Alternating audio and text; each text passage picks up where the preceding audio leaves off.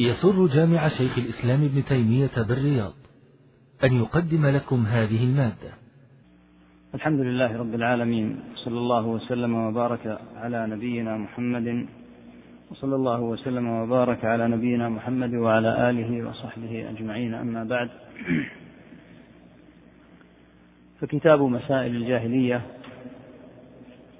للشيخ الإمام محمد بن عبد الوهاب رحمة الله تعالى عليه كتاب يعرف قدره من وقف عليه وعلم احتياج الناس إليه ولا سيما في أزمنة اشتداد الغربة وتغير الأحوال فهو من الكتب التي يحتاج إليها العالم والعامي وطالب العلم. فهو كتاب كما سترى بعون الله عز وجل قيم للغاية. نعرف أولا بالكتاب. معلوم أن التصنيف عند أهل العلم في أمور العقيدة يكون على نوعين. النوع الأول المصنفات التي يقرر فيها الحق ويوضح كما في المصنفات المسندة في الاعتقاد ككتاب السنة لابن أبي عاصم وكتاب الشريعة للآجري وكتاب شرح أصول اعتقاد أهل السنة للالكائي والإبانة لابن بطة وأمثالها من الكتب المسندة أي التي يروي فيها مصنفوها الاعتقاد عن السلف رضي الله عنهم وعن النبي صلى الله عليه وسلم أولا ثم عن ثم عن السلف وعن أهل العلم بالإسناد. وهذه الكتب كثيرة وينبغي على طالب العلم أن يعتني بها. لأن فيها تدوين عقيدة السلف مسندة إليهم. تارة تكون باسم السنة كما ذكرنا في المصنفات السنة لابن أبي عاصم شرح أصول اعتقاد أهل السنة اللالكائي تارة تكون باسم الشريعة كالشريعة للآجري والإبانة عن شريعة الفرقة الناجية لابن بطة. وتارة تكون باسم التوحيد كالتوحيد لابن خزيمة وتارة تكون المصنفات متعلقة بالإيمان كالإيمان لابن أبي شيبة وغيرها من هذه الكتب. يقرر فيها الاعتقاد برواية مسائل الاعتقاد عن الرسول صلى الله عليه وسلم وعن الصحابة والتابعين رضي الله عنهم وعن علماء الأمة. ومن المصنفات التي يذكر فيها التقرير أيضا المصنفات المختصرة وهي التي يعرفها طلبة العلم عموما كالطحاوية لأبي جعفر الطحاوي والواسطية لابن تيمية رحمهم الله جميعا. فهذه يذكر فيها الاعتقاد مختصرا وموجزا في العموم الأغلب وتهيأ لأن يحفظها طالب العلم ويتمكن من استظهارها كل هذه نسميها كتب تقرير الاعتقاد. النوع الثاني من المصنفات كتب الرد على أهل على الباطل وعلى أهله. كالمصنفات التي صنفها أبو عثمان التي صنفها عثمان بن سعيد الدارمي رحمه الله تعالى في الرد على الجهمية ومصنفات شيخ الإسلام ابن تيمية رحمه الله وهي كثيرة في الردود كنقضه على المناطقة ورده رحمه الله تعالى على الروافض في كتابه منهاج السنة ونحو ذلك من الكتب. فهذه كتب يرد فيها على أهل الباطل. من أي الأنواع هذه يصنف كتاب مسائل الجاهلية للشيخ محمد بن عبد الوهاب رحمه الله تعالى؟ الكتاب بديع في تصنيفه الحقيقة لأنه رحمه الله تعالى قام بجمع المسائل التي كانت لدى أهل الجاهلية وخالفهم رسول الله صلى الله عليه وسلم فيها. وفي الوقت نفسه بين طريقة النبي صلى الله عليه وسلم المخالفة لما عليه أهل الجاهلية فجمع أمرين اثنين. الأول التنبيه على الخصلة الجاهلية والثاني التنبيه إلى مخالفة رسول الله صلى الله عليه وسلم لأهل الجاهلية في هذه الخصلة.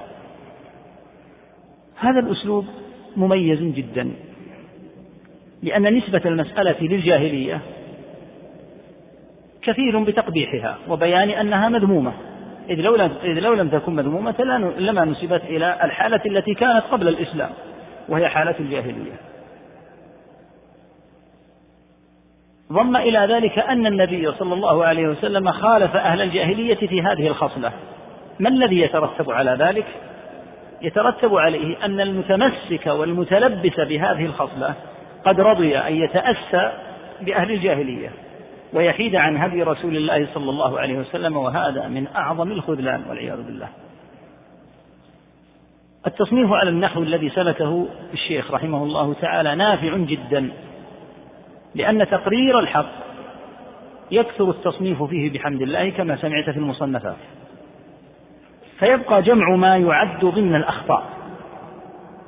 هذا الموضوع بحاجة إلى أن يركز عليه وهو مما يحسن أن يلاحظه أهل العلم في دروسهم وخطبهم وفي كلماتهم يحسن أن يركزوا على هذا النوع من الأخطاء بأن يركز الأخطاء هي كذا وكذا ومن ذلك أن يركزوا على ذكر الأخطاء عند التصنيف. خذ على سبيل المثال كل أحد يعرف جمل الأذان من جهة عددها ومن جهة ترتيبها لكن تأمل الأخطاء التي يقع فيها المؤذن في صيغة الأذان. فالمؤذن إذا قيل له بما تبدأ؟ قال أبدأ بالتكبير.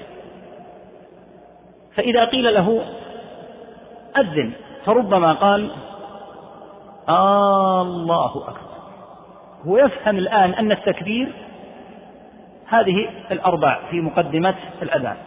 ثم الشهادتان.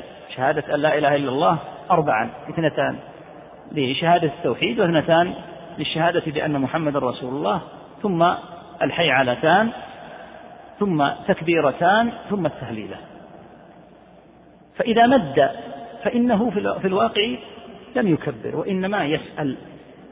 قال الله عز وجل آه آلله خير أما يشركون هذا استفهام.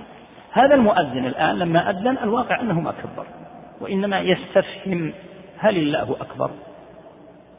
قد عرف صيغ الأذان لكنه قد عرف جمل الأذان لكنه لم يحسن إلقاء الصيغة وهكذا لو أنه قال الله أكبر كما يقع من بعض العوام والمؤذنين.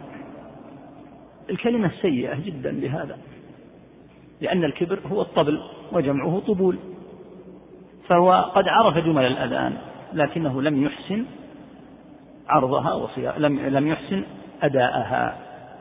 وعلى هذا قس أنواعا كثيرة من الأخطاء في الكلمات المنتشرة بين الناس في العبادات في الوضوء في الصلاة في الصيام في الزكاة في الحج. وهكذا الأخطاء في المعاملات. وهكذا موضوع الكتاب هذا. التصنيف فيما يشيع بين الناس مما هو من خصال أهل الجاهلية. هذا النوع الحقيقة. ينبغي أن يعتني به طلبة العلم وأهل العلم عموما حتى يركز مع العامة على أمور من الخطأ تغلغلت عندهم ورسخت في اعتقادات وفي ألفاظ وفي ممارسات الواقع أنها من أمور الجاهلية. المسألة الثانية ما المراد بالجاهلية؟ الجاهلية نسبة إلى الجهل. وقد ذكرت في القرآن في مواضع كلها على سبيل الذم قطعا. قال الله تعالى أفحكم الجاهلية يبغون ومن أحسن من الله حكما لقوم يوقنون. وقال تعالى إذ جعل الذين كفروا في قلوبهم الحمية حمية الجاهلية. وقال سبحانه يظنون بالله غير الحق ظن الجاهلية. وقال عز وجل وقرن في بيوتكن ولا تبرجن تبرج الجاهلية الأولى. الأمور المذكورة في هذه الآيات خصال كلها مذمومة. الأولى حكم الجاهلية وهو حكم الطاغوت بتحكيم غير شرع الله عز وجل أيا كان هذا النظام الذي يحكم. الثانية حمية الجاهلية. التي تحملهم على الظلم والتعاون على الفساد لمجرد هذه الحمية. الثالثة ظن الجاهلية وهو أن يظن بالله عز وجل غير ما يليق به سبحانه كالظن بأن الحق يضمحل ويتغلب أهل الباطل على أهل الحق غلبة مستقرة مستديمة لا يأتي الله عز وجل بعدها بفرج. فهذا من ظن الجاهلية.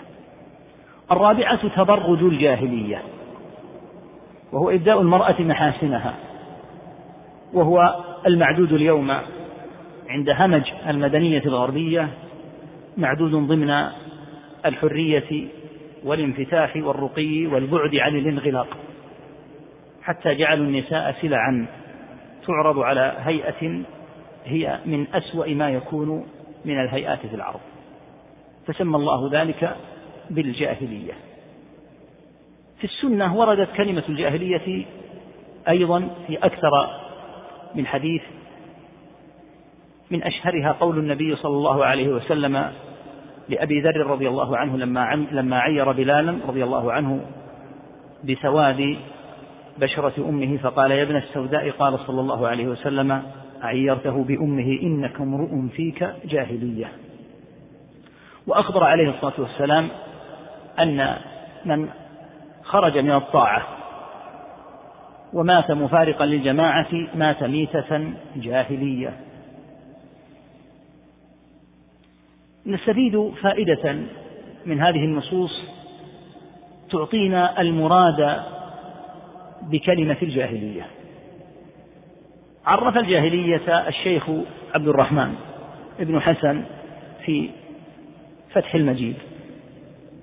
عند شرحه لباب ما جاء في الكهان ونحوهم ذكر رحمه الله تعالى التنجيم والكهانة والضرب بالحصى ونحوها من علوم الجاهلية ثم قال ونعني بالجاهلية كل من ليس من أتباع الرسل صلى الله عليه وسلم كالفلاسفة والكهان والمنجمين وجاهلية العرب الذين كانوا قبل البعثة.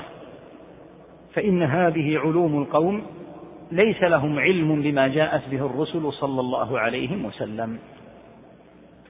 فجعل هؤلاء جميعا من أهل الجاهلية ومنهم الفلاسفة لأن الفلاسفة أبعد الناس عن العلم بما جاءت به الرسل صلى الله عليه وسلم. وعليه. فالوضع الموجود اليوم في البلاد الغربية والشرقية من بلاد الكفر وضع جاهلية بلا شك. إذ هو قائم على جملة من الفلسفات الإلحادية فنشأت في تلك البلاد الشرقية الفلسفة القائمة على الأساس الشيوعي ونشأ في البلاد الغربية مقابلا لها الفكرة القائمة على الرأسمالية. وعموم المذاهب ذات النزعة العلمانية معدودة شرعا ضمن الجاهلية لأنها كلها فلسفات على خلاف ما جاءت به الرسل صلى الله عليه وسلم فالمسمى الشرعي لتلك الأوضاع هو الجاهلية ويأتي له مزيد بيان إن شاء الله. الضابط في ذلك كله سواء في جاهلية العرب أو في الجاهلية التي يكون عليها أهل التنجيم وأهل الكهانة وأهل السحر أو أهل الفلسفة من ملاحدة اليونان القدامى. أو من تأثر بهم ممن أدخلوا الفلسفة إلى داخل البلاد الإسلامية أو الفلسفات الحديثة الجامع لهذه كلها مع الجاهلية العربية شيء واحد وهو أن ما هم عليه على خلاف ما جاءت به الرسول صلى الله عليه وسلم كما قرره الشيخ عبد الرحمن رحمه الله وهذا من أدق تعريفات الجاهلية لأن الجاهلية كما تقدم منسوبة إلى الجهل وهؤلاء يجهلون يجهلون أعظم ما ينبغي أن يعلم وهو العلم بالله كما يأتي بيانه إن شاء الله تعالى في أحوال الجاهلية. الجاهلية لها حالان اثنان الحال الأول الجاهلية العامة وهي التي كانت قبل بعثة النبي صلى الله عليه وسلم حيث كان الناس كما قال تعالى في ضلال مبين. قال الله عز وجل هو الذي بعث في الأميين رسولا منهم يتلو عليهم آياته ويزكيهم ويعلمهم الكتاب والحكمة وإن كانوا من قبل لفي ضلال مبين.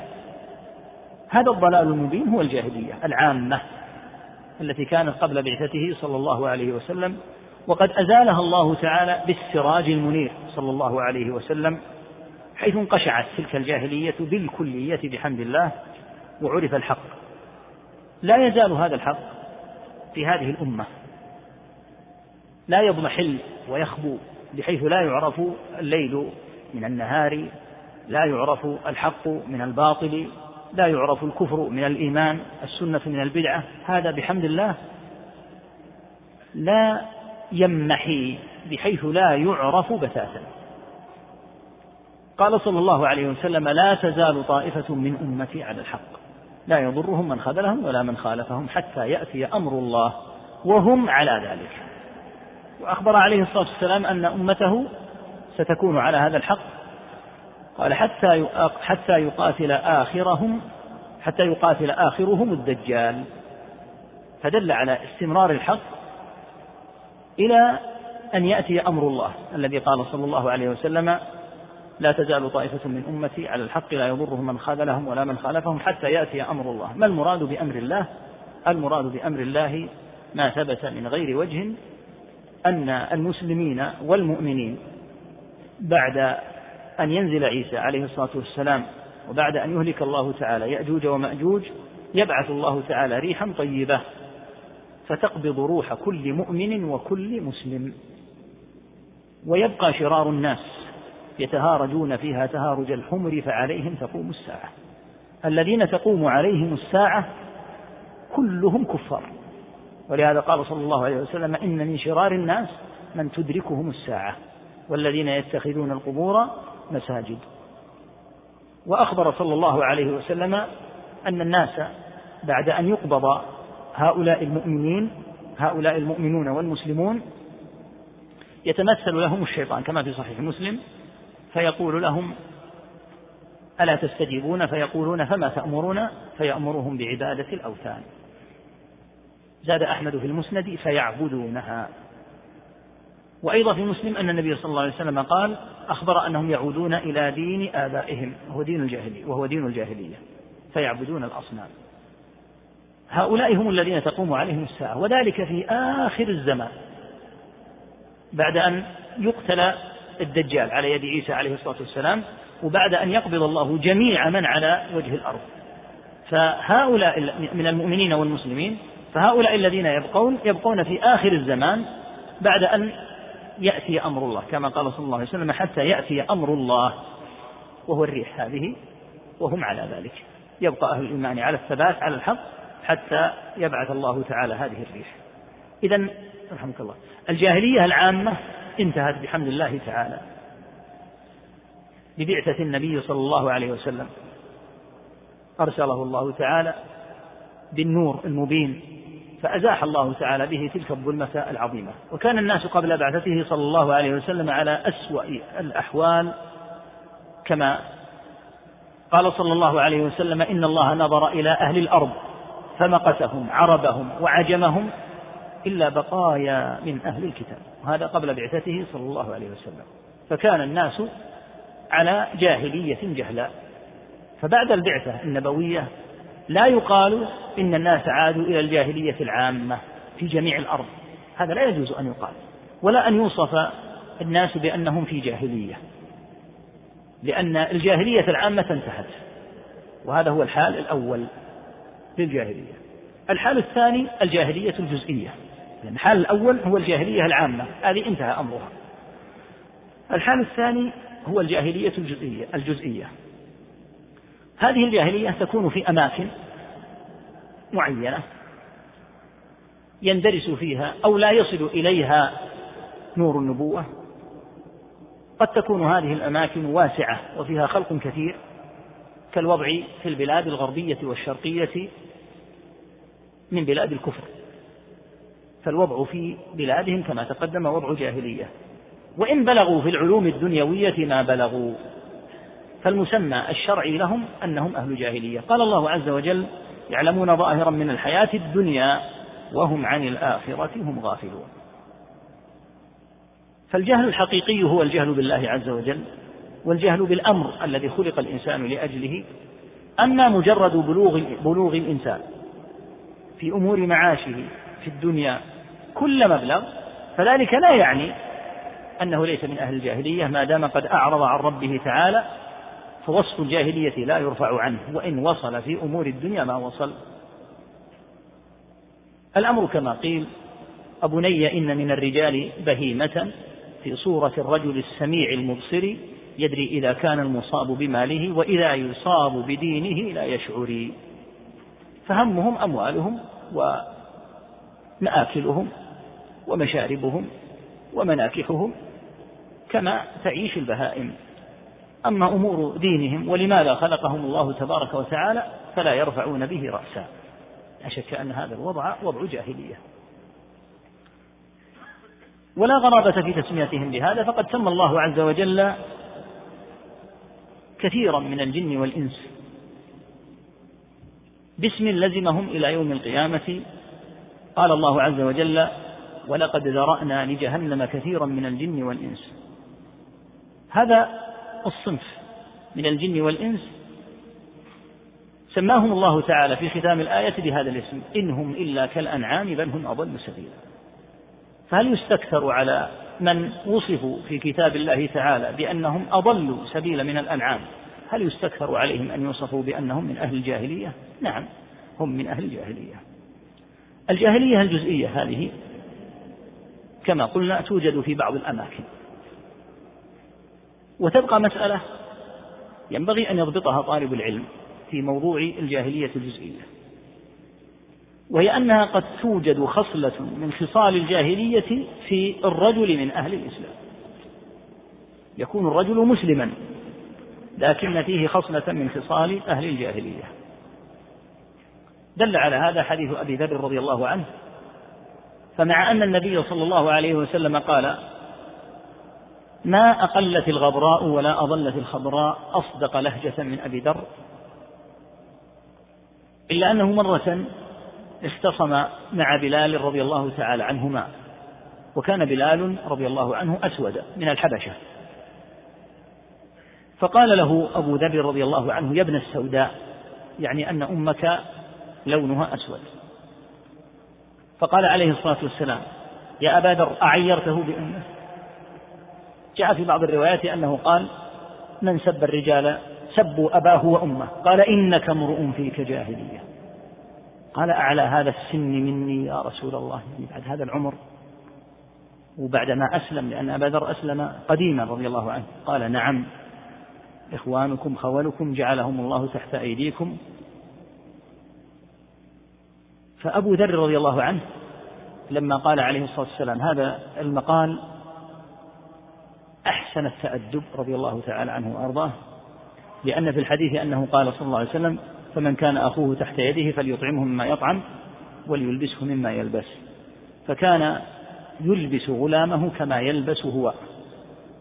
فإذا لبس ثوبا ألبس غلامه مثله. وإذا سئل لأن العادة أن الإنسان قد يصطفي لنفسه اللباس الأحسن. ويبقى أمر نفقته على مولاه ومن تحت يده لا يلزمه أن يلبسه اللباس الأوفى والأحسن. تلزمه كسوته لكن الكسوة أمرها واسع. فكان يلبسه كما يلبس رضي الله عنه تخلصا من خصلة الجاهلية. فهذه المسألة وهي وجود خصلة جاهلية في مسلم لا تعني أن الرجل كافر ولا تعني أن الرجل حاله حال أهل الجاهلية تماما لكن يقال كما قال صلى الله عليه وسلم إنك امرؤ فيك جاهلية ولم يقل إنك من أهل الجاهلية فقال فيك جاهلية. هذه الجاهلية الجزئية كما قلنا تبقى في بعض الناس في خصال والناس في هذا بين مقل ومستكثر. هذا مما يجعل هذا الكتاب من أنفع ما يكون للناس اليوم. فكم, فكم هم الذين مثلا؟ يعيرون الناس بألوانهم. لا شك أنهم كثير. فإذا علم المسلم أن هذا التعيير من خصال الجاهلية حذره واجتنبه وطهر لسانه من مثل هذه الألفاظ وطهر أيضا قلبه من أن كما أنه يطهر لسانه من النطق بهذه الأمور الدالة على ازدراء أخيه المسلم أمام الناس فإنه يطهر قلبه وينزه نفسه من أن يكون الضابط عنده في التعامل مع عباد الله بالألوان أو اللسان أو الأوطان أو القبائل أو نحو ذلك. ولهذا قلنا إن هذا الكتاب فيه هذه الفائدة لأن فيه علاجا حقيقيا لأمور ينبغي أن يقال إنها ليست في العامة وحدهم بل توجد حتى في بعض طلبة العلم. إذا كان النبي صلى الله عليه وسلم يقول لأبي ذر رضي الله عنه لما قال ما قال وهو من هو رضي الله عنه أبو ذر في إيمانه وتقواه إذا قال إنك امرؤ فيك جاهلية حتى تخلص رضي الله عنه من تلك الخصلة الجاهلية فغيره ممن لا يبلغ مقامه لا يستكثر أن يقع في خصلة من خصال الجاهلية. فلهذا ينبغي أن توطن النفوس على التخلص من خصال الجاهلية لأنها لا شك أنها مذمة الشرع إذا أطلق على خصلة هذا الاسم الجاهلية لا شك أن هذا الإطلاق دال على الذم لأن الجاهلية كما قلنا هي الحالة التي كانت قبل الإسلام. فالذي فيه خصلة من خصال الجاهلية قد أخذ شيئا مما كان عليه أهل الكفر وإن لم يكن كافرا واتسم به وترك ما ينبغي أن يأخذه من دين الله عز وجل. ولهذا قال أهل العلم إن الكفر شعب والنفاق شعب. فيكون في المسلم شعبة من شعب النفاق وإن لم يكن منافقا خالصا. كما في الحديث ثلاث من كنا فيه كان منافقا وذكر خلف الوعد والكذب في الحديث وإذا خاصم فجر والحديث مروي بأكثر من لفظ. يدل على أن خصال النفاق كثيرة. فمن كان فيه خصلة من هذه الخصال كان فيه خصلة من النفاق. فيكون مسلما لكن فيه هذه الخصلة. وهكذا ما ذكر النبي صلى الله عليه وسلم من إطلاق الكفر على بعض الأعمال. يقال فيه خصلة من خصال الكفر وإن لم يكن كافرا. كقوله صلى الله عليه وسلم سباب المسلم فسوق وقتاله كفر. فالقتال الواقع بين المسلمين على غير حق هذا خصلة من خصال الكفر ولا يعني أنهم كفار. بنص قوله عز وجل وإن طائفتان من المؤمنين اقتتلوا فأصلحوا بينهما. قال البخاري رحمه الله فسماهم مسلمين. يعني سماهم مسلمين مع الاقتتال. فينبغي الحذر من هذه الخصال وذلك ثمرة من ثمار العلم من أعظم ثمار العلم ما يهيئ الله عز وجل لمن وفق له من العمل به إذ هو ثمرة العلم. فأما أن يعرف الإنسان خصال الجاهلية وهو متسم بها متصف بها والعياذ بالله فذلك مما يدل على أنه لم ينتفع بعلمه. وهذه الخصال كما سترى إن شاء الله تعالى كثيرة متنوعة متعددة. منها ما يكون متعلقا بالقلوب ومنها ما يكون متعلقا بالألفاظ ومنها ما يكون متعلقا بالأفعال والممارسات. فينبغي أن يجتنبها المسلم وأن يكون لهذا العلم فائدته بأن يطهر حامله من هذه الخصال. لأن هذه الخصال بمثابة النجس. فإذا سلم الله تعالى المؤمن من هذه الخصال السيئة فإنه يكون قد تطهر وقد تنزه وتنظف كما يكون على بدنه نجاسة أو على بدنه وسخ فيغسله بالماء. فينبغي الحرص على تحقيق العلم والانتفاع به وإلا فإن الإنسان يكون بذلك عالما بامور هي عليه حجة إذ لم يعمل بها. لا شك أن التخلص من خصال الجاهلية يحتاج إلى مصابرة لأن بعض هذه الخصال في الحقيقة قد تكون مما نشئ عليه الإنسان منذ صغره كالفخر بالأحساب على سبيل المثال والطعن في الأنساب. هذه من خصال الجاهلية بنص الحديث. لا يسهل على كثيرين أن يتخلصوا من تفاخرهم بأحسابهم. ولا يسهل على كثيرين أن يتخلصوا من طعنهم في أنساب غيرهم. ويدلك على هذا حال الغضب. فإن حال الغضب نعوذ بالله من شرور أنفسنا ومن سيئات أعمالنا تظهر فيه أمور قد تكون كامنة في النفوس. فإذا غضب الإنسان ظهر ما عنده من طعن في نسب الناس. وإذا جاءت المفاخرة ظهر ما عنده من تفاخر بالأنساب والترفع والتعالي بهذا التفاخر على غيره. وهكذا أمور كثيرة تأتي بإذن الله عز وجل تباعا بهذا الكتاب. نشرحها بعون الله عز وجل واحدة واحدة. اليوم إن شاء الله تعالى سنشرح يعني نحو من ساعة وعشر دقائق لأنه سيأتي إن شاء الله تعالى فضيلة الشيخ عبد الرحمن البراك اليوم آه، ليتم شيئا مما فات في الخميس آه، الماضي. وفي بقية الأيام بإذن الله تعالى نبدأ بإذنه وعونه عز وجل من الرابعة والنصف غالبا إلى السادسة والنصف إن شاء الله أو نحو من هذا الوقت إن شاء الله. نعم. الله عليكم. الحمد لله رب العالمين والصلاة والسلام على أشرف الأنبياء والمرسلين. نبينا محمد عليه وعلى آله أفضل الصلاة وأتم التسليم. عليه وعلى آله وصحبه. عليه وعلى آله وصحبه أفضل الصلاة وأتم التسليم. اللهم اغفر لنا ولوالدينا ولشيخنا وللحاضرين. قال المؤلف رحمه الله تعالى قال الشيخ الإمام العالم محمد بن عبد الوهاب رحمه الله تعالى هذه أمور خالف فيها رسول الله صلى الله عليه وسلم. ما عليه ما عليه أهل الجاهلية الكتابيين والأميين. مما لا غنى للمسلم عن معرفتها. فالضد يظهر حسنه الضد. يظهر حسنه. فالضد يظهر حسنه الضد. وبضدها تتبين الأشياء. فأهم ما فيها وأشدها خطرا. عدم إيمان القلب بما جاء به الرسول صلى الله عليه وسلم فإن انضاف إلى ذلك استحسان ما عليه أهل الجاهلية تمت الخسارة. نعم. ذكر رحمه الله تعالى أن أهل الجاهلية الذين بعث النبي صلى الله عليه وسلم فيهم نوعان.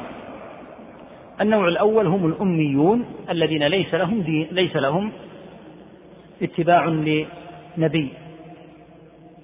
وكانوا يعبدون الأصنام والأشجار والأحجار ويعبدون الملائكة ويعظمون الصالحين فكانت عباداتهم على أنواع شتى يجمعها جميعا اسم الشرك لأن الشرك ضابطه أن يجعل لله عز وجل شريكا فيما يختص به.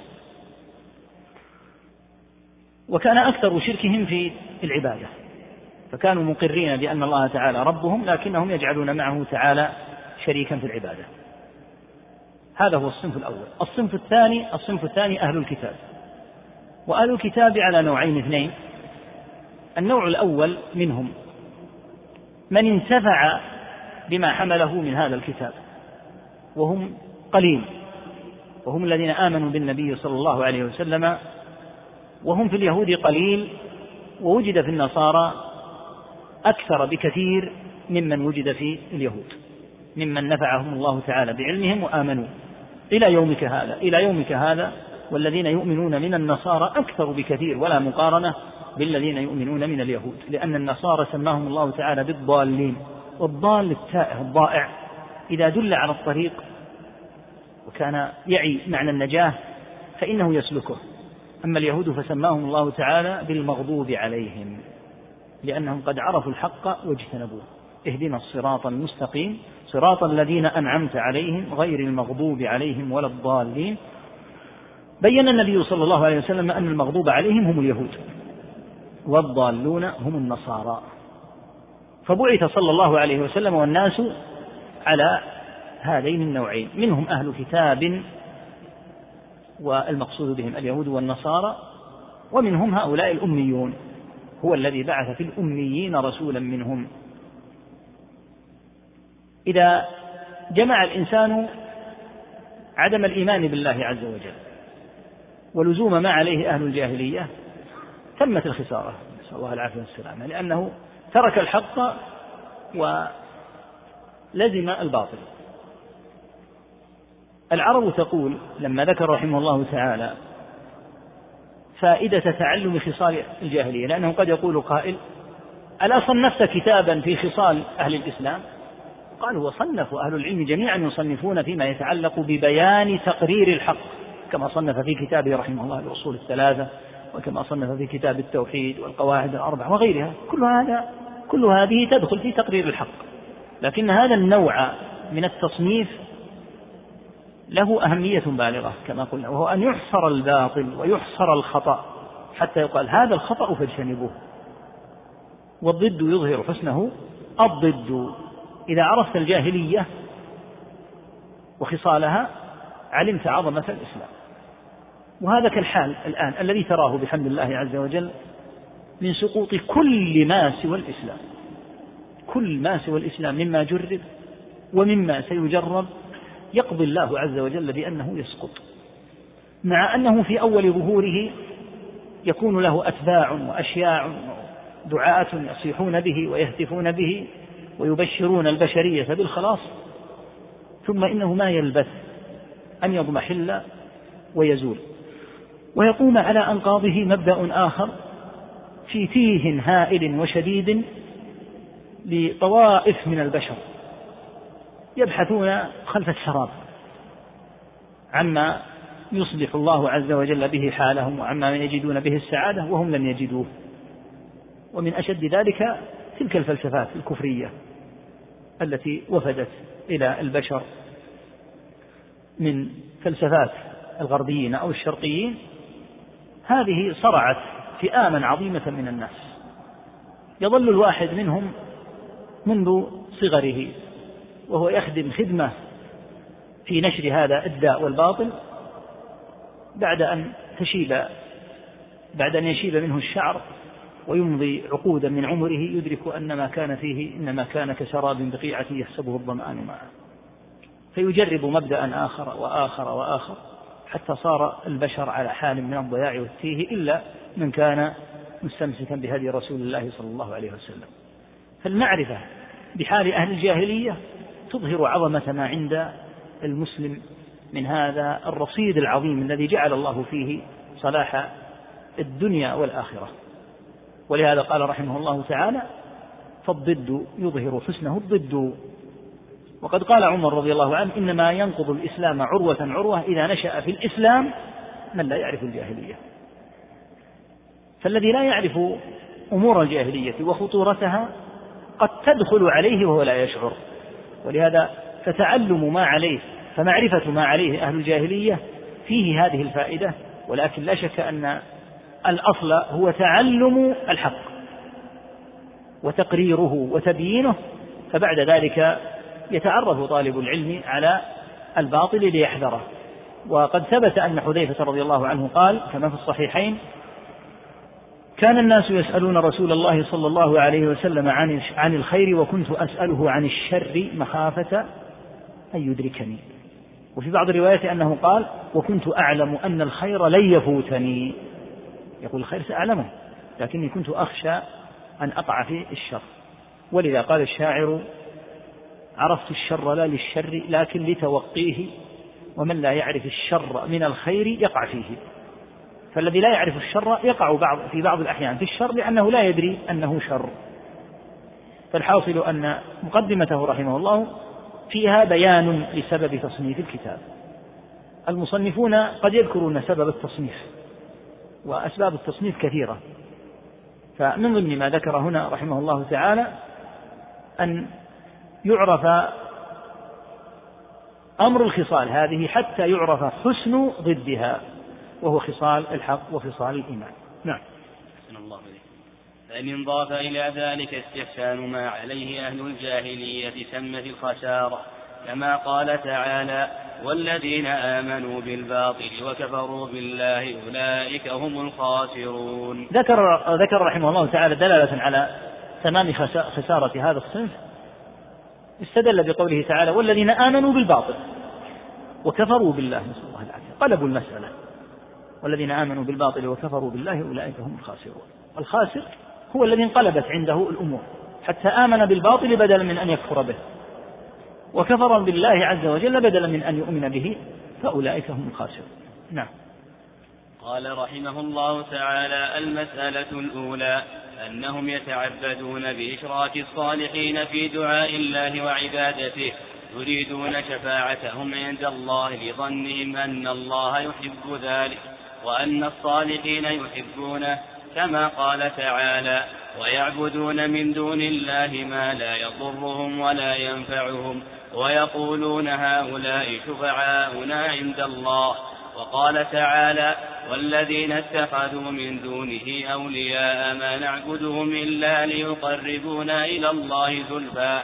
وهذه أعظم مسألة خالفهم فيها رسول الله صلى الله عليه وسلم. فأتى بالإخلاص وأخبر أنه دين الله الذي أرسل جميع الرسل وأنه لا يقبل من الأعمال دين الله الذي أرسل جميع الرسل. أرسل به. دين الله الذي أرسل به جميع الرسل وأنه لا يقبل من الأعمال إلا الخالص وأخبر أن من فعل ما استحسنوا فقد حرم الله عليه الجنة ومأواه النار.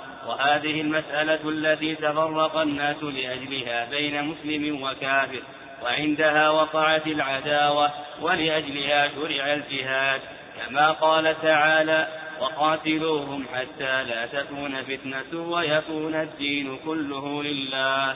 بدأ رحمه الله تعالى بالخصلة بالمسألة الأولى من مسائل الجاهلية وذكر رحمه الله تعالى أن هذه المسألة هي أعظم مسألة خالف النبي صلى الله عليه وسلم فيها أهل الجاهلية. أسوأ مسألة وقع فيها أهل الجاهلية قديما وحديثا أنهم يجعلون العبادة لغير الله تعالى ويركزون على عبادة الصالحين. ولهذا قال أنهم يتعبدون بإشراك الصالحين في دعاء الله وعبادته. والشرك بعبادة الصالحين هو أقدم شرك وقع في الأرض. والدليل على هذا أنه وقع في قوم نوح. قال الله عز وجل وقالوا في, في ذكر شكاية نوح لقومه وقالوا لا تذرن آلهتكم ولا تذرن ودا ولا سواعا ولا يغوث ويعوق ونسرا. قال ابن عباس رضي الله عنهما كما في البخاري أسماء رجال صالحين في قوم نوح هلكوا. يعني ماتوا. فأوحى الشيطان إلى قومهم أن ينصبوا إلى مجالسهم التي كانوا يجلسون فيها أنصابا وسموها بأسمائهم. ففعلوا. فلم تعبد. فلما هلك أولئك وتنسخ العلم عبدت. الجيل الذين وقع فيهم تعظيم هؤلاء الصالحين لا شك أنهم لم يكونوا مشركين. قال ابن عباس رضي الله عنهما بين آدم ونوح عشرة قرون كلهم على التوحيد.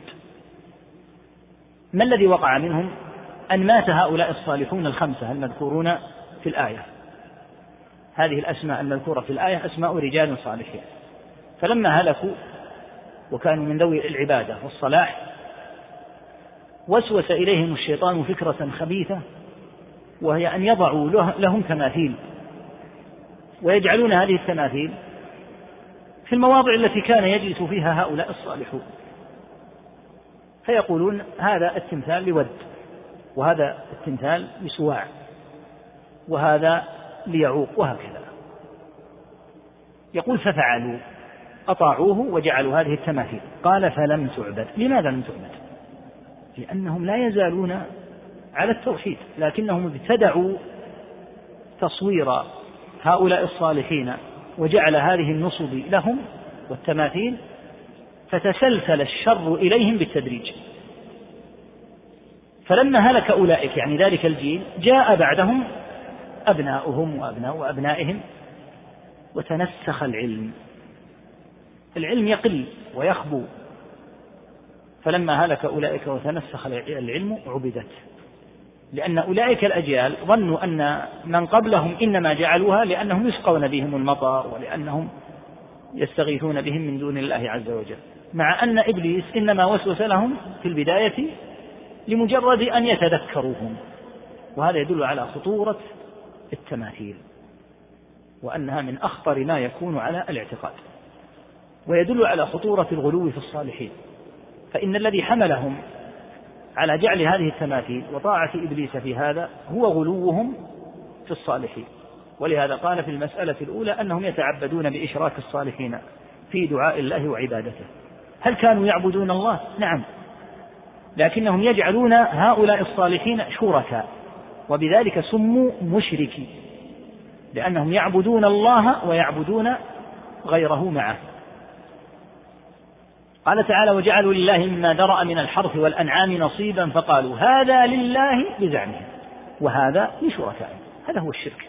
فكانوا يجعلون لله تعالى ويجعلون لشركائهم في العبادة نصيبا. لما جعلوا هؤلاء الصالحين شركاء لله هل جعلوهم شركاء لله تعالى في الربوبية والخلق؟ لا. ولهذا قال يتعبدون بإشراك الصالحين في دعاء الله وعبادته. أما الخلق والرزق والإحياء والإماتة فهم يعلمون أن ذلك لله وحده. قال تعالى ولئن سألتهم من خلقهم ليقولن الله. قال تعالى قل من يرزقكم من السماء والأرض أم من يملك السمع والأبصار ومن يخرج الحي من الميت ويخرج, ويخرج الميت من الحي ومن يدبر الأمر فسيقولون الله. فهذه الأمور يعلمون أنها من الله. إذا من أين أتاهم الشرك؟ بأن جعلوا للصالحين مع الله تعالى نصيبا لأن التوحيد هو الإفراد. وهذه الإشارة التي ترفعها في التحيات مثلا لله عز وجل في الصلاة إشارة إلى التوحيد وتدعو بها. الشرك ما هو؟ عياذا بالله أن تجعل مع من يجب أن تفرده شريكا أو أكثر. فهذا معنى الشرك ولهذا التوحيد هو الإفراد إفراد الله تعالى. الشرك هو أن يجعل مع الله عياذا بالله شريك. رحمك الله. شريك ثان أو ثالث أو رابع أو ما شاء. ما دام قد جعل مع الله تعالى غيره فهو مشرك أيا كان المشرك به. لماذا جعلوا هؤلاء الصالحين مع الله تعالى في العبادة؟ لماذا أشركوهم مع الله تعالى في العبادة؟ كما بين عندك. قال يريدون شفاعتهم. يزعمون أن هؤلاء الصالحين إذا عبدوا شفعوا لمن يعبدونهم من دون الله. والدليل قوله تعالى ويعبدون من دون الله ما لا يضرهم ولا ينفعهم ويقولون هؤلاء شفعاؤنا عند الله. يقول يظنون أن الله تعالى يحب ذلك وأنه يرضاه سبحانه وتعالى وأن من فعله قبل الله دعاءه لأنه جعل الصالحين مع الله في العبادة. يقول ويظنون أيضا أن الصالحين يحبونه مع أن الصالحين لا شيء أبغض عندهم من الكفر والشرك. قال الله تعالى ولكن الله حبب إليكم الإيمان وزينه في قلوبكم وكره إليكم الكفر. وكره إليكم الكفر والفسوق والعصيان. فأكره ما يكره الصالح أن يقع الشرك بالله عز وجل. أكره عنده من كل كريه حتى القبائح كالزنا والسرقة ونحو ذلك الكفر أخبث منها وأشد. يظنون أن الصالحين يحبون هذا وأن الله تعالى يحب هذا فلهذا صنعوا هذا الصنيع وزعموا أنهم بذلك يرضون الله ويرضون الصالحين ويحصلون على شفاعة الصالحين. يتوهمون بذلك أن الصالحين يشفعون لهم. قال الله عز وجل ولقد جئتمونا فرادا كما خلقناكم أول مرة وتركتم ما خولناكم وراء ظهوركم وما نرى معكم شفعاءكم الذين زعمتم أنهم فيكم شركاء. لقد تقطع بينكم وضل عنكم ما كنتم تزعمون. ذهبت هذه الأمور واضمحلت في القيامة. كانوا يتوهمون أن هؤلاء سيشفعون لهم. والواقع أن الصالحين يتبرؤون إلى الله منهم. تبرأنا إليك. ما كانوا إيانا يعبدون فيخسرون في القيامة أعظم الخسارة لأنهم يتوهمون أنهم سينفعونهم وهم لا يمكن أن ينفعوهم بل يتبرؤون إلى الله تعالى منهم. قال تعالى إن تدعوهم لا يسمعوا دعاءكم ولو سمعوا ما استجابوا لكم ويوم القيامة يكفرون بشرككم. فالصالحون كما تبين لا يرضون أن يشرك بهم من دون الله. وتوهم هؤلاء المشركين أنهم سيشفعون لهم. قد تبين في النصوص أن أنه أمر لا يمكن أن يحصل. يطلبون من الصالحين يطلبون بعبادة الصالحين شيئا آخر أيضا. ذكره الشيخ أيضا في الآية في فيما استدل عليه بالآية والذين اتخذوا من دونه أولياء ما نعبدهم إلا ليقربونا. قال البغوي رحمه الله في بيان المراد بالآية والذين اتخذوا من دونه أولياء يقولون ما نعبدهم إلا ليقربونا إلى الله زلفى. لأن هذا هو قول هؤلاء المشركين. فهم اتخذوا هؤلاء أولياء وزعموا أنهم يقربونهم إلى الله تعالى زلفى. يقول الشيخ رحمه الله هذه أعظم مسألة خالفهم فيها رسول الله صلى الله عليه وسلم لأنها شرك أكبر وهو صلى الله عليه وسلم أتى بالتوحيد الخالص قال فأتى بالإخلاص والإخلاص هو إفراد الله عز وجل بالقصد وتصفية العمل وتطهيره من جميع شوائب الشرك. ولو أخبر أنه دين الله الذي أرسل به جميع الرسل. الرسل صلى الله عليه وسلم اتفقوا جميعا على التوحيد. الخلاف الذي يكون بين الرسل ولا يسمى خلافا يقال اختلف الرسل لا التفاوت في الشرائع. فيحل في شريعة نبي ما كان حراما في شريعة آخر. قال الله عز وجل عن عيسى ولأحل لكم بعض الذي حرم عليكم. فيتفاوت من جهة التشريع. قال الله عز وجل لكل جعلنا منكم شرعة ومنهاجا. فيتفاوتون من جهة التحليل والتحريم والإيجاب والإباحة. هذا يتفاوتون فيه. لكن أصل التوحيد لا يمكن أن يتفاوتوا فيه بتاتا. قال صلى الله عليه وسلم الأنبياء إخوة لعلات دينهم واحد وأمهاتهم شتى. إخوة العلات هم الذين والدهم تزوج أكثر من زوجة فهم إخوة من الأب أمهاتهم شتى وأبوهم واحد. مراده صلى الله عليه وسلم أن الأنبياء صلى الله عليه وسلم من جهة الشرائع. قد تتفاوت شرائعهم في التحليل والتحريم ونحوه. لكنهم من جهة الاعتقاد على اعتقاد واحد. يقول ابن القيم رحمه الله فالدين في التوحيد دين واحد لم يختلف منهم عليه اثنان أي لا يختلف اثنان من الرسل عليهم الصلاة والسلام على التوحيد. فالتوحيد الذي عليه جميع المرسلين هذا أمر قد اتفق عليه الأنبياء والرسل منذ آدم إلى محمد صلى الله عليه وسلم جميعا كلهم متفقون على التوحيد. ولهذا قال أرسل به جميع الرسل. والله تعالى لا يقبل من الأعمال إلا الخالص. فالمشركون أعمالهم غير خالصة لأنهم من اسمهم مشركون يجعلون لله ولغيره نصيبا في العبادة. فلا شك أن أعمالهم ترد عليهم. وهم أبعد الناس عن الشفاعة. لما سأل أبو هريرة رضي الله عنه النبي صلى الله عليه وسلم من أسعد الناس بشفاعتك؟ قال من قال لا إله إلا الله خالصا من قلبه. وهؤلاء ليسوا بالمخلصين فلا نصيب لهم قطعا في الشفاعة. نعوذ بالله من حال أهل النار ونعوذ بالله من الزيغ والضلال والتيه والضياع أن يتيه الإنسان. وهو يحسب أنه يحسن صنعا نسأل الله العافية والسلامة ويمضي في هذا الدهور الطويلة من عمره ويمضي وينفق الأموال ويبذل الجهود الهائلة ثم يكون سعيه عياذا بالله هباء منثورا. فإذا ورد في القيامة ورد على أشد ما يكون من فساد الحال ومن الخسران المبين. ولهذا ينبغي أن يركز أهل العلم على أمر التوحيد أولا قبل كل شيء وأن يركزوا على تطهير الناس من أمور الشرك. فإن الشرك هو الذي إذا خالط الأعمال أفسدها إفسادا تاما. والتوحيد إذا لم يوجد عند العبد فحتى لو وجد عنده شيء من الخصال الطيبة كبره لوالديه وعطفه على الأرامل والمساكين والمحتاجين فإن ذلك لا ينفعه. نسأل الله العافية والسلامة ولهذا ينبغي التركيز على التوحيد وأن يعلم أن أكبر خصلة خالف النبي صلى الله عليه وسلم فيها أهل الجاهلية خصلة الشرك القبيحة التي كانوا عليها وأتاهم صلى الله عليه وسلم بالتوحيد الخالص. ولم يجامل ولم يحابي ولم يكن صلى الله عليه وسلم لهم مداهنة. قال تعالى ودوا لو تدهنوا فيدهنون. هذه أمور لا مداهنة فيها. لا بد أن يصدع بالدعوة إلى التوحيد وأن يحذر من الشرك.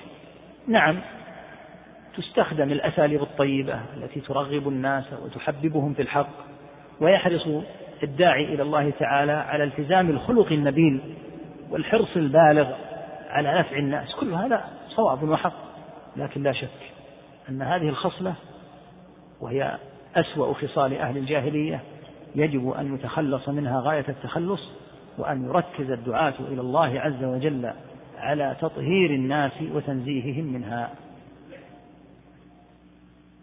نعم. الله إليكم. قال رحمه الله تعالى المسألة الثانية أنهم متفرقون في دينهم كما قال تعالى كل حزب بما لديهم فرحون. وكذلك في دنياهم ويرون ذلك هو الصواب. فأتى بالاجتماع في الدين بقوله شرع لكم من الدين ما وصى به نوحا والذي أوحينا إليك وما وصينا به إبراهيم وموسى وعيسى أن أقيموا الدين ولا تتفرقوا فيه. فقال تعالى إن الذين فرقوا دينهم وكانوا شيعا لست منهم في شيء. ونهانا عن مشابهتهم بقول ولا تكونوا كالذين تفرقوا واختلفوا من بعد ما جاءهم البينات ونهانا عن التفرق بالدين بقوله واعتصموا بحبل الله جميعا ولا تفرقوا. هذه الخصلة الثانية من خصال أهل الجاهلية. ناشئة عن بعدهم عن التوحيد. فلما كانوا ملازمين للشرك ولأهوائهم ترتب على ذلك تفرقهم ولا بد. الأهواء كثيرة وصرف العبادة لغير الله عز وجل إذا وقع في الناس تفاوتوا. فمنهم من يعبد الملائكة ومنهم من يعبد الأنبياء ومنهم من يعبد الصالحين ومنهم من يعبد الكهوف والغيران ومنهم من يعبد الأشجار ومنهم من يعبد حتى الدواب والبهائم. بل منهم من يعبد حتى الشياطين منهم من يعبد الكواكب. فيتفرق الناس. فلا شيء يجمع الناس كالتوحيد. ولهذا هذه الأمة حتى تتوحد وكثيرا ما يسمع وحدة الأمة وحدة الأمة. لا يمكن أن تتحد الأمة إلا على توحيد. إذا لم يوجد التوحيد فلم تتوحد الأمة. إذا وجد التوحيد في طائفة من الأمة. ووجد في طائفة أخرى الشرك. لا يمكن أن يجتمعوا. والذي يطلب أن يجتمع أهل الشرك مع الموحدين هذا يطلب المحال. لأن من الأمور المفروغ منها أن أن الموحد الذي يعي توحيده لا يمكن أن يقر الشرك. والذي قد عبد غير الله عز وجل لا يرضى أن يجهر بالتوحيد وأن يحذر من الشرك. فأنى لهم أن يجتمعوا. ولهذا هذا السراب الذي يعدو خلفه كثيرون ليوحدوا الأمة على غير أساس. هؤلاء قد أضاعوا أوقاتهم وأضاعوا نصيبهم ولن يظهروا بشيء. ولو جمعوا الجموع الغفيرة على أحقاد وأدواء وتباغض فإنهم لا يفلحون ولا ينصر الله سبحانه وتعالى من هذا حالهم لأن الأساس الأكبر في النصر هو أن يوحد الله وهو الذي يجلب نصره سبحانه. إن تنصروا الله ينصركم. وأساس نصرك لربك تعالى هو بتوحيدك. فما لم يكن موحدا فإنه أبعد ما يكون عن أن ينصر الله تعالى. فهذه الخصلة فيهم متفرقون في دينهم. قال تعالى كل حزب بما لديهم فرحون. المسلمون أمة واحدة وليسوا أحزابا وليسوا مجموعة من الضلال الذين يشرعون ما لم يشرعه الله عز وجل. هكذا كانوا في أول الإسلام.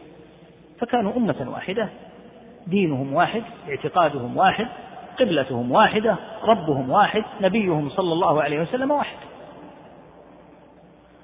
فلما دب البدع دبت البدع والضلالات إلى الأمة حصلت الفرقة. وترتب على هذه الفرقة شيء عظيم من الوهن والضعف وتكدر القلوب والتقاتل. فاستباح الناس من بعضهم ما لا يجوز أن يستباح. وأزهقت نفوس كثيرة وقطعت سبل وسلبت أموال وروع آمنون بغير وجه حق. ما الذي فرق الأمة؟ الذي فرق الأمة أن كل مخالفة لهدي رسول الله صلى الله عليه وسلم فإنها توجد وهنا.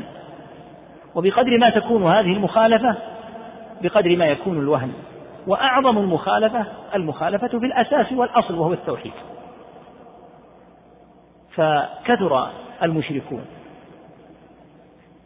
قال شيخ الإسلام رحمه الله تعالى أول من نشر الشرك في الصالحين وأقام على قبورهم البنايات هم الرافضة حيث كانوا في زمن بني بويه وفي زمن دولة بني عبيد المسمى بالدولة الفاطمية ولا يصح أن تسمى بالدولة الفاطمية لأنهم لا نسبة لهم إلى فاطمة رضي الله عنها بل هم منسوبون إلى عبيد القداح من يهود المغرب. ادعى ادعوا هؤلاء أنهم من نسل فاطمة رضي الله تعالى عنها. فانتشر الشرك في العراق في زمن المعتضد حيث كانت الغلبة والظهور لبني بويه وبدأت الضلالات والشركيات. وانتشر أيضا مثل هذا في عدد من المنسوبين للتصوف. وصار الشرك يضرب أطنابه في بلاد شتى. حتى إن بعض البلدان بلغت فيها الأضرحة أعدادا هائلة كبيرة جدا يطاف بها ويدعى الرب عز يدعى غير الرب تعالى عندها ويسجد عياذا بالله لأهلها. فلماذا لا يتفرقون؟ الأساس الذي جمعهم قد تخلى عنه هؤلاء. ولهذا دائما عند الكلام على وحدة الأمة يقال إذا أريدت وحدة الأمة فالذين تفرقوا عن الخط الذي كان عليه رسول الله صلى الله عليه وسلم يعودون إليه فتجتمع الأمة. أما الذين لزموا ما كان عليه صلى الله عليه وسلم فلا يصح أن يقال لهم تنازلوا عن بعض ما أنتم عليه حتى تقتربوا من الرافضة حتى تقتربوا من المشركين. هذا ليس تقريبا هذا تخريب وليس بتقريب هذا إفساد بدين الله عز وجل. يقال الذي ترك ما كان عليه رسول الله صلى الله عليه وسلم يعود إليه. فيزول التفرق وتكون الجماعة. فعند ذلك تكون القوة وتتحد الأمة. أما أن يطلب إلى صاحب الحق أن يترك الحق. حتى تتوحد الأمة فليس, فليس هذا من توحيد الأمة في شيء بل هذا من زيادة تمزيقها. قال صلى الله عليه وسلم كما تقدم في الحديث لا تزال طائفة من هذه الأمة على الحق ظاهرين لا يضرهم من خذلهم ولا من خالفهم. وإليهم يؤوب الضال وإليهم يعود الزائر. يعود إلى أهل الحق. أما أن يقال إلى أن يقال لأهل الحق تنازلوا تنازلوا عن بعض كلامكم في الصحابة لأجل أن لا يغضب الرافضة. لا لا نتنازل. لا أرضاهم الله إلى يوم القيامة. ولا يقال في الصحابة رضي الله عنهم كلمة واحدة إرضاء لأعداء الله من ورثة المجوس. يقول قائل تنازلوا عن كلامكم في التوحيد وأن عبادة غير الله تعالى من ما يفعله عباد القبور ونحوه. لا تصرحوا بأنه من الشرك. بلى والله نصرح بأنه من الشرك ونحن أنصح الناس لهم. أن نخبرهم أنهم على حال من الضلال والتيه ويبين لهم بالأدلة والنصوص أن هذا من الشرك ولا يتنازل. والدين ليس بملك لأحد حتى يتنازل عن شيء منه. فيقول نرضي الرافضة بكذا نرضي المخرفين وعباد القبور بكذا. الدين من قال إنه لك أصلا حتى تتنازل عن شيء منه. الدين لله عز وجل والمستمسك بالحق والداعي المسدد البصير هو الذي قال الله تعالى فيه قل هذه سبيلي أدعو إلى الله على بصيرة أنا ومن اتبعني. فليس لنا أصلا خيار بل نحن ملزمون باتباعه صلى الله عليه وسلم وأن ندعو على هديه. رضي من رضي وسخط من سخط وليس الدين ملكا لأحد يتنازل عن شيء منه. فالذي يفرق الناس هو ترك التوحيد الذي وحد الله به الأمة. فإذا أريد التوحيد الحقيقي والتقريب الحقيقي للأمة فليعد أهل الباطل عن باطلهم وليعودوا إلى ما كان عليه الناس زمن النبي صلى الله عليه وسلم. فقد أخبر صلى الله عليه وسلم أن هذه الأمة ستفترق على ثلاث وسبعين ملة كلها في النار إلا واحدة. فلما سئل عنها قال هي الجماعة. فالجماعة الأولى هي التي يجب أن تكون الأصل. وتؤوب إليها الأمة دائما تعود إلى هديها. وفي لفظ أنه قال من كان على مثل ما أنا عليه اليوم وأصحابي. فلن تزول الفرقة إلا بهذا الطريق. من خصال أهل الجاهلية كثرة التفرق. كل حزب بما لديهم فرحون. يقول هذا التفرق ليس في دينهم فقط بل حتى في دنياهم وهذا أمر مؤكد. أن الأساس والرأس الذي قال صلى الله عليه وسلم رأس الأمر الإسلام. إذا وقع فيه التفرق فسينعكس هذا قطعا. سينعكس على أمور دنياهم. فأصابهم الوهن في دينهم وأصابهم الوهن في دنياهم عياذا بالله. يقول فأتى بالاجتماع.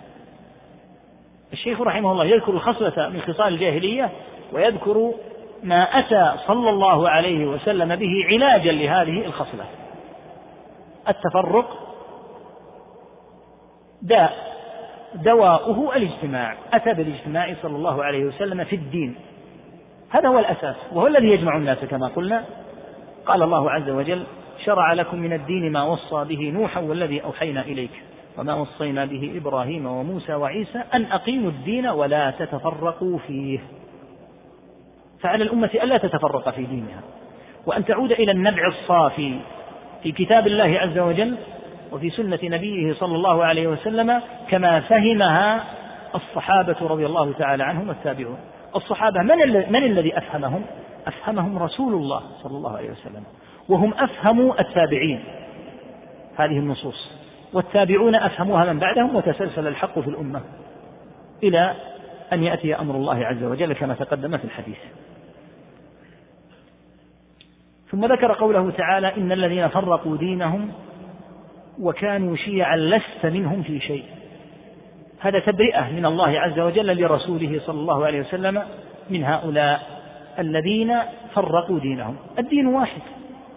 اجتمع عليه زمن النبي صلى الله عليه وسلم العرب والعجم ممن أسلم والحاضرة والبادية والحر والعبد والذكر والأنثى والغني والفقير. اجتمعوا جميعا عليه وألف الله تعالى به قلوبهم وأصلح الله عز وجل به أحوالهم. فتفرق أهل الباطل عن هذا الحق. برأ الله نبيه منهم. إن الذين فرقوا دينهم وكانوا على دين واحد. إن الذين فرقوا دينهم وكانوا شيعا. لست منهم في شيء. قال ونهانا عن مشابهتهم. أي عن مشابهة أهل الشرك وأهل الكفر. ممن دأبهم وحالهم هو التفرق. فقال ولا تكونوا كالذين تفرقوا واختلفوا من بعد ما جاءهم البينات. أهل الكتاب حين تفرقوا تفرقوا عياذا بالله مع تركهم للبينة. إن الذين كفروا من أهل الكتاب والمشركين في نار جهنم لم يكن الذين كفروا من أهل الكتاب والمشركين منفكين حتى تأتيهم البينة. رسول من الله يتلو صحفا مطهرة فيها كتب قيمة وما تفرق الذين أوتوا الكتاب إلا من بعد ما جاءتهم البينة. فتفرقوا بعد وجود البينة. ففرق الضلال والمبتدعة قد شابهوا هؤلاء. تفرقوا بعد أن جاءت البينة. وأين البينة؟ فيما جاء به رسول الله صلى الله عليه وسلم. فلهذا نهينا أن نتشبه بأهل الكفر سواء من كفرة أهل الكتاب أو من غيرهم من عباد الأوثان وأمثالهم. نهينا عن مشابهتهم. فقال ولا تكونوا كالذين تفرقوا واختلفوا من بعد ما جاءهم البينات. قال ونهانا عن التفرق في الدنيا. فقال واعتصموا بحبل الله جميعا ولا تفرقوا. ولهذا الجماعة إذا أطلقت يراد بها معنيان. الجماعة في الدين بأن يجتمعوا على دين واحد كما في الآية. شرع لكم من الدين ما وصى به نوحا والذي أوحينا إليك وما وصينا به إبراهيم وموسى وعيسى أن أقيموا الدين ولا تتفرقوا فيه. أي اجتمعوا على دين واحد. النوع الثاني من الجماعة جماعة الأبدان. واعتصموا بحبل الله جميعا ولا تفرقوا. فكونوا مع الجماعة. ولا تخرجوا عن الجماعة. الجماعة كما سيأتي إن شاء الله تعالى عند الكلام عن الخصلة الثالثة مكونة من راعي ورعية. راع يحكم بكتاب الله ويقود الأمة بكتاب الله. كما قال صلى الله عليه وسلم اسمعوا وأطيعوا وإن كان لعبد حبشي يقودكم بكتاب الله. فالراعي يحكم بالشرع والرعية تطيع هذا الراعي في غير معصية الله عز وجل فتجتمع الأمة. فالجماعة على ما سمعت. جماعة في الدين وجماعة في الأبدان. أتى صلى الله عليه وسلم بالجماعة وكان أمر اجتماعهم عجبا ولا يستطيعه أحد من البشر. قال تعالى لو أنفقت ما في الأرض جميعا ما ألفت بين قلوبهم ولكن الله ألف بينهم إنه عزيز حكيم. فما كان لهم أن يجتمعوا. العرب أبعد الناس عن الاجتماع. ولهذا أخبر تعالى أن هذا الجمع لهم هو منه وحده تعالى وأن النبي صلى الله عليه وسلم لو أنفق ما في الأرض ما أتلفوا لشدة ما بينهم من التنافر. ولهذا يقال هذا هذا الوضع الذي في الأمة اليوم ليس بأعجب من الوضع الذي كان زمن الجاهلية. الذي جمع أولئك الذين كانوا في الجاهلية فتخلوا عن فرقتهم واجتمعوا جميعا. تحت راية رسول الله صلى الله عليه وسلم هو الذي يمكن أن يجمع الأمة اليوم بلا شك. لأن أولئك ليسوا من ذوي الدين أصلا. يعبدون الأصنام والأوثان وعلى دين وعلى مناح شتى في العبادة. فجمعهم الله برسوله صلى الله عليه وسلم لما ائتلفوا على التوحيد. الفرقة الموجودة في الأمة اليوم منها فرقة لا يخرج الإنسان بها من الملة. فيكون عنده ابتداع. خالف به رسول الله صلى الله عليه وسلم. وثمة بدع مكفرة. ضل بها من؟ ضل وخرج عن دين الإسلام بالكلية. فلا يمكن أن تجتمع الأمة إلا إذا سلك المسلك الأول. الذي جمع الله تعالى به أهل الجاهلية. ولهذا لا يمكن أن تجتمع الأمة إلا على هذا السبيل الصحيح. فالحاصل أن من خصال أهل الجاهلية هذا التفرق. وقد ذكر الله تعالى آية فيها عبرة وهي أن هذا التفرق دال مع كونه فسادا في الدين ومع كونه مخالفة للنصوص وتشبها بأهل الجاهلية فإنه دال على قلة عقل من وقع فيه. ممن خالف الحق أما الملازم للحق فإنه ما خالف الحق حتى يقال إنه ممن لا يعقل. إنما الذي يخالف الحق فينشأ من مخالفته كثرة النزاع والشقاق هذا دال على قلة عقله. قال تعالى تحسبهم جميعا وقلوبهم شتى ذلك بأنهم قوم لا يعقلون. قال بعض المفسرين دل على أن كثرة النزاعات تدل على قلة العقل. كثرة النزاعات والخلافات دالة على قلة العقل. فنزاعات الرافضة مع كونها مخالفة للشرع وللأدلة دالة على قلة عقولهم. مخالفات المخرفين ممن يعبدون غير الله تعالى ويسجدون لهم ويطوفون بقبورهم ويخالفون الحق المبين في النصوص مع أنه مخالفة عظيمة للشرع فهو دال على قلة عقولهم. وهكذا إذا رأيت حتى من ليس عندهم شرك القوم الذين دأبهم دائما النزاع النزاع حتى لو كانوا من أهل الإسلام. تجده من أقل الناس عقلا. في خصمة. منذ أن يجتمعوا إلى أن يفترقوا. الخصمة مستمرة بينهم دائما. هذا يدل على على قلة عقولهم. فكثرة النزاعات والخلافات دالة على قلة العقل. تحسبهم جميعا. كأن قائلا قال ما الذي فرقهم؟ وهم أمة واحدة. فجاء الجواب ذلك بأنهم قوم لا يعقلون. تحسبهم جميعا وقلوب تحسبهم جميعا وقلوبهم شتى. ما السبب؟ ذلك بأنهم قوم لا يعقلون. فكثرت هذه النزاعات والخلافات. لا شك أنها أتت من أهل الباطل. فلهذا هم يزعمون أنهم من أعرف الناس ومن أفهم الناس ومن أكثر الناس حذقا وعقلا والواقع أنهم من أقل الناس عقلا. نعم. أحسن الله إليكم. قال رحمه الله تعالى المسألة الثالثة أن مخالفة ولي الأمر وعدم الانقياد. وعدم أن مخالفة ولي الأمر وعدم الانقياد له فضيلة والسمع والطاعة ذل ومهانة فخالفهم رسول الله صلى الله عليه وسلم وأمر بالصبر على جور الولاة وأمر بالسمع والطاعة لهم والنصيحة. وغلظ في ذلك وأبدع فيه وأعاد. ذكر رحمه الله تعالى الخصلة الثالثة. العرب كانوا من أشد الناس تمنعا وتعصيا على أن يطيعوا أحدا. ذكر الشافعي رحمه الله تعالى أن هذه الخصلة في العرب وأنهم كانوا يأنفون أنفة شديدة أن يطيعوا أحدا. ولهذا لم يوجد داخل الجزيرة العربية دولة. إلا في الأطراف. في جهة الشمال الشرقي والشمال الغربي دولة المناذرة والغساسنة وفي أيضا الأطراف في الجنوب الدول التي كانت في جهة اليمن.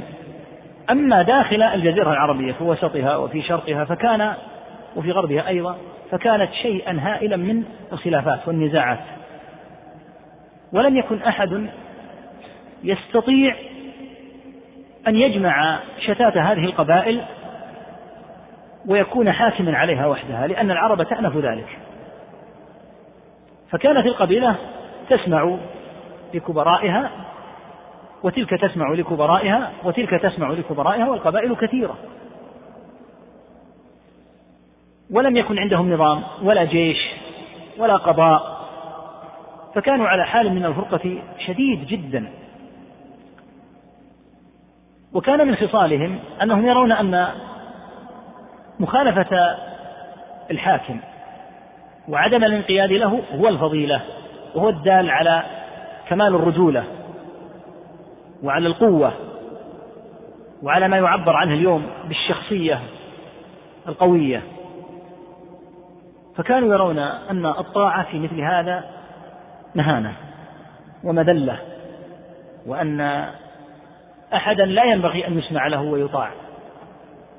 على سبيل الأمر لك وتنظيم الأمور وترتيبها يرون أن هذا من المذلة وأنه من المهانة. فكانوا يعكسون المسألة تماما. ولهذا هذا الصنف لا يمكن أن يقوم عندهم نظام. كيف يقوم عندهم نظام؟ وهم يرون أن النظام مهانة. لا يمكن أن يقوم عندهم نظام. فلهذا كما قلنا لم يوجد في جزيرة العرب حاكم تمكن من أن يلم شتات هذه القبائل ويكون باسم ملك أو خليفة أو رئيس أو ما شاء. لا يمكن أن يكون هذا قبل الإسلام وإنما وجد كما قلنا في الأطراف. المناذرة جهة دولة الفرس والغساسنة في جهة دولة الروم. وفي مواضع محددة. أما الجزيرة العربية فكانت أتونا مشتعلا وكانت النزاعات والحروب إذا وقعت بينهم تستمر سنين لا تطفأ. حتى استمرت بعض وقائعهم أربعين سنة والمراد باستمرارها أربعين سنة ليس أن ثمة جيشين يتحاربان مدة أربعين سنة لكن تنشب الحرب بينهم ويهلك بعضهم بعضا ثم يستمرون في الثأر فيغير هؤلاء على هؤلاء ويقطع على هؤلاء أولئك الطريق وهكذا.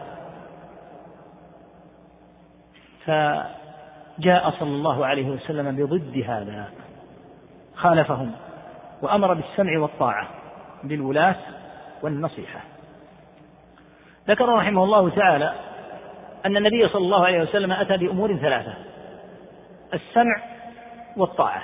أما السمع مع عدم الطاعة ما, منها فائدة. كما قالت اليهود سمعنا وعصينا. إنما المقصود أن يسمع ويطاع. ولا شك أن المقصود هنا السمع والطاعة في المعروف. فلا يسمع لأحد ويطاع في معصية الله عز وجل. وإنما السمع والطاعة عند أهل السنة في المعروف فقط. فأما السمع والطاعة في المعصية فلا أحد يسمع له ولا يطاع. كما قال عليه الصلاة والسلام على المرء المسلم السمع والطاعة فيما أحب وكره ما لم يؤمر بمعصية فإذا أمر بمعصية فلا سمع ولا طاعة. فالمقصود أنه يسمع ويطاع في المعروف. وما المقصود بالسمع والطاعة؟ ما الذي يطاع فيه الولاة؟ يطاع الولاة في نوعين. النوع الأول إذا أمروا بما أمر به الله فيطاعون طاعة لله عز وجل. كأن يأمروا بإقام الصلاة وأن يأمروا بالتزام الصيام ونحو ذلك فيطاعون طاعة لله عز وجل. النوع الثاني الطاعة فيما لم يمنع الشرع منه ولم يجعله معصية. كالتنظيمات التي تقع مثلا للناس في أمور معادهم ومعاشهم وترتيب أحوالهم كما هو الشأن الآن في الوزارات وفي غيرها. هذا الترتيب ينبغي أن يطاعوا فيه لأنه لا يقوم نظام إلا بهذا الترتيب. وقد دون عمر رضي الله تعالى عنه وأرضاه الدواوين وهي تشبه تنظيم الوزارات حتى ترتب الأمور. فإذا قال أحد سأسمع لهم وأطيع فيما أمر الله به. إذا أمروا بالصيام بالصلاة بالزكاة بالحج سمعنا وأطعنا. إذا أمروا بأمر لم يوجب الله عز وجل هذا الأمر بنص القرآن والسنة فلن أسمع له وأطيع. يقال هذا من قلة فقهك قلة علمك. لأن السمع والطاعة لهم تكون في النوعين معا. إنما يعصون في حالة واحدة وهي أن يأمروا بمعصية الله فيقال لا سمع لكم ولا طاعة. لا يمكن أن يسمع لكم ويطاع. في معصية الله عز وجل وأمركم مردود عليكم لا يسمع لهم ولا يطاع. ولا يعني هذا أنهم إذا أمروا بمعصية وخولفوا فيما أمروا به من معصية أن تنتقض بيعتهم أو أن تنزع اليد من طاعتهم أو أن يقال ما داموا قد أمروا بمعصية فلا يسمع لهم لا في الخير ولا في الشر. لا ليس هذا هو المقصود قطعا بإجماع أهل السنة. وإنما المقصود أن يعصوا في معصية الله وأن يطاعوا في طاعة الله عز وجل وفيما فيه مصلحة للمسلمين في أمور معاشهم وترتيب أمورهم كما تقدم. يقول إن النبي صلى الله عليه وسلم خالف أهل الجاهلية في هذا وغلظ في ذلك وأبدى وأعاد أكثر صلى الله عليه وسلم من الأحاديث الدالة على وجوب طاعتهم في المعروف. وغلظ على من لم يطع في المعروف. فأخبر صلى الله عليه وسلم أن من فارق الجماعة شبرا ومات مات ميتة جاهلية. نسأل الله العافية والسلام. وهذا وحده كفيل بالخوف الشديد من أن يخالف الإنسان الجماعة. لأن الجماعة كما قلنا تتألف من حاكم ومحكوم. فإذا انفرد عن هذه الجماعة وعد نفسه غير داخل فيها. فإنه إذا مات يموت ميتة جاهلية. كما قال أبو سعيد الخدري رحمه الله تعالى إياكم وقتال علمية وميتة جاهلية. فقالوا ما قتال علمية؟ قال أن يقال يا لفلان ويا آل فلان. يعني التنادي بهذه الأسماء. قالوا فما ميتة جاهلية؟ قال أن تموت ولا إمام عليك. إذا اعتقدت أن هذا الحاكم لا يسمع له ولا يطاع حتى لو لم تقاتل حتى لو لم تخرج عليه.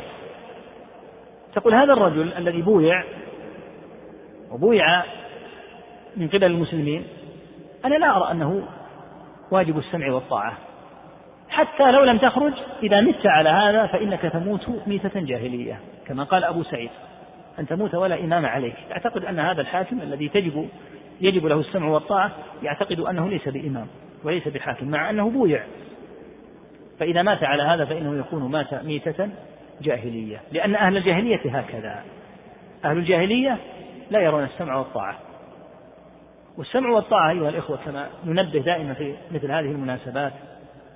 السمع والطاعة أهل السنة بحمد الله فيه على طريقتهم في سائر الأبواب. على التوسط.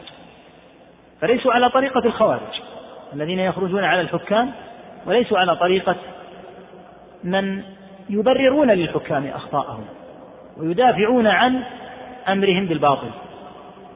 كما كانت النواصب زمن بني أمية. ذكر شيخ الإسلام أنهم كانوا يعتقدون أن طاعة ولي الأمر واجبة مطلقا وأنه يؤتمر بأمره حتى لو أمر بمعصية نعوذ بالله. فهؤلاء طرف والخوارج طرف وأهل السنة بحمد الله على الهدي الوسط السليم بأن يطاع ولاة الأمور في غير معصية الله عز وجل. والمؤمن ليس فوضويا يقيم الأمور على حسب ما يعن له. وإن تدمرت الجماعة. المؤمن ليس هكذا. ولم يسمي النبي صلى الله عليه وسلم ذلك الحال بميتة الجاهلية إلا لعظم الذنب وكبر الجرم الذي يكون عليه من خالف ما لا يجوز أن يخالف. وليس معنى هذا أن أحدا لو خالف تنظيما من التنظيمات أو غيرها أو نحو ذلك أنه يموت ميتة جاهلية لا ينبغي أن يفخم الأمر هكذا. لكن قال لا أخطأ فيه. لكن أن يعتقد أنه ليس بإمام وأن يعتقد أنه لا يسمع له ولا يطاع وأن يعتقد أنه إن أتته فرصة وواتته ووجد من يمكن أن يزحزح هذا الرجل عن حكمه فإنه يكون معهم فلو مات ولم يفعل هذا فقد مات ميتة جاهلية. ولهذا قال أحمد رحمه الله تعالى لا يحل له أن يبيت وهو يعتقد أنه ليس بإمام. بس مجرد اعتقاد أنه ليس بإمام. لأن المسلمين إذا بايعوه لزم السمع والطاعة. فإذا لم تبايعه فليست المشكلة بينك وبين هذا الحاكم لا. المشكلة بينك وبين من؟ بينك وبين الجماعة. لأن الجماعة اجتمعوا عليه. فأنت الآن حدت وخرجت عن الجماعة. ثم الحمد لله. مر بالمعروف وانهى عن المنكر ولا تطع في المعصية. فتجمع الخير كله وتخالف خصلة أهل الجاهلية. نعم. الله إليكم.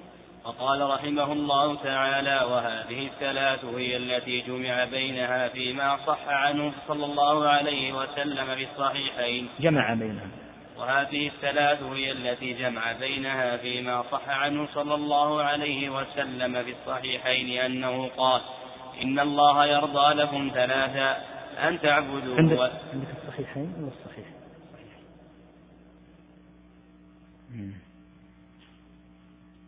في صحيح مسلم. طيب اقرأ الحديث.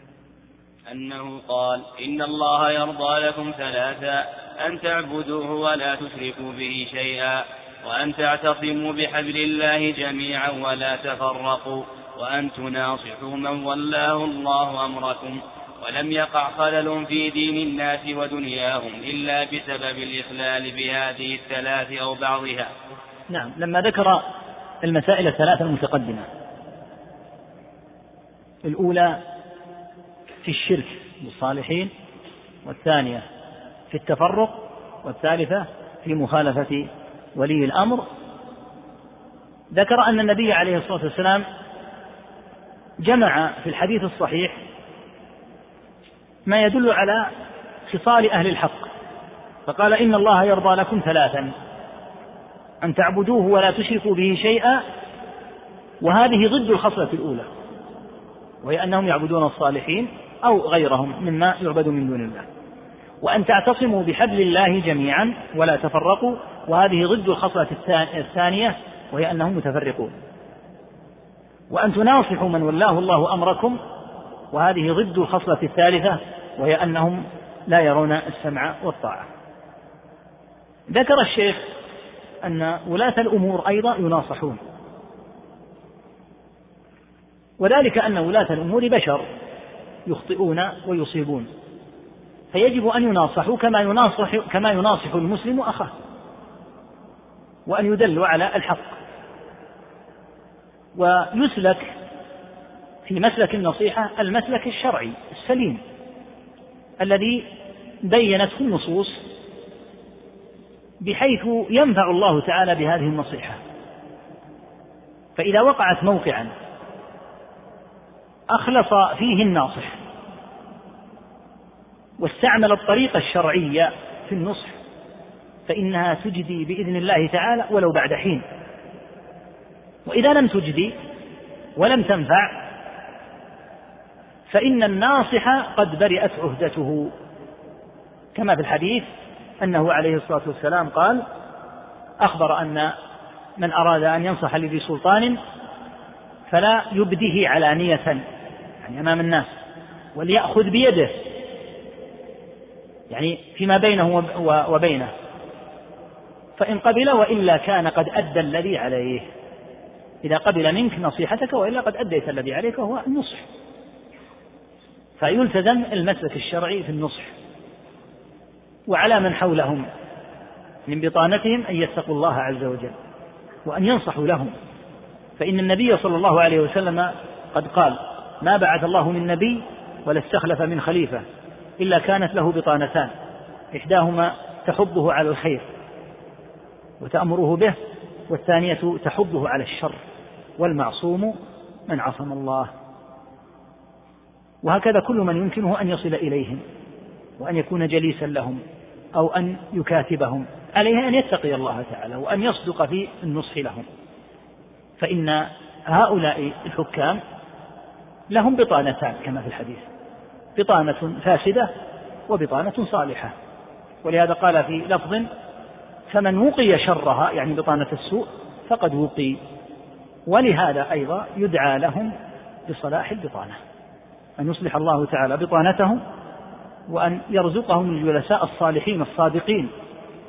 الذين كما قال صلى الله عليه وسلم في أبي داود في سنن أبي داود إذا أراد الله بالحاكم خيرا جعل له وزير الصدق إن ذكر إن نسي ذكره.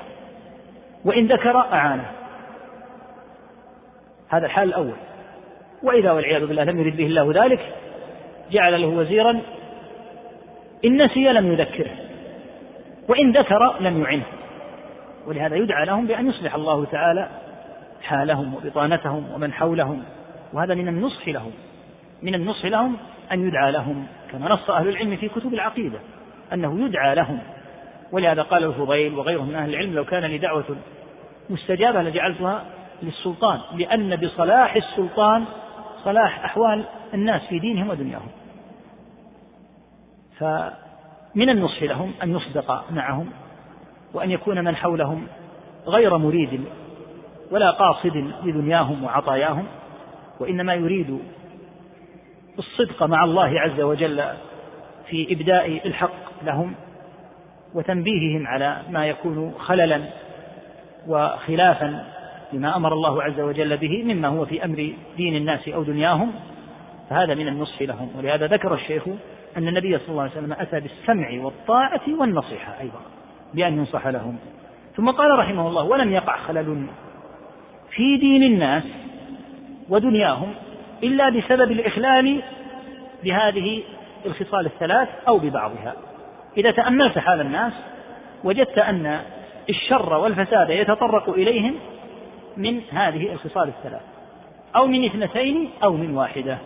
إما أن يكون الناس قد جمعوا والعياذ بالله الشرك والتفرق والمخالفة لولاة الأمور أو أن يكون الناس قد وقع عندهم الشرك والتفرق حتى لو أطاعوا لأنهم قد يطيعون في المعصية. وقد يكون عندهم توحيد وليس عندهم شرك ولكن عندهم مخالفة للولاة في الحق وفيما يجب أن يطاعوا فيه. يقول لا يتطرق إلى الناس خلل في دينهم ولا دنياهم إلا من قبل هذه الخلال الثلاث أو بعضها.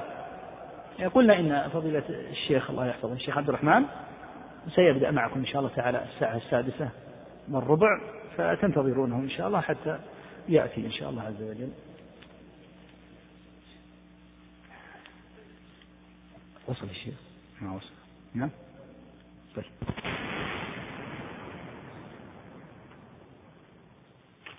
يسأل الأخ يقول كثير من الفرق تركوا تدعو إلى التقارب بين الأديان فما قولكم في ذلك؟ مثل ما قلنا في موضوع التقريب. التقريب له أساس أن يقترب أهل الباطل من أهل الحق ليعدل أهل الباطل ما عندهم من باطل.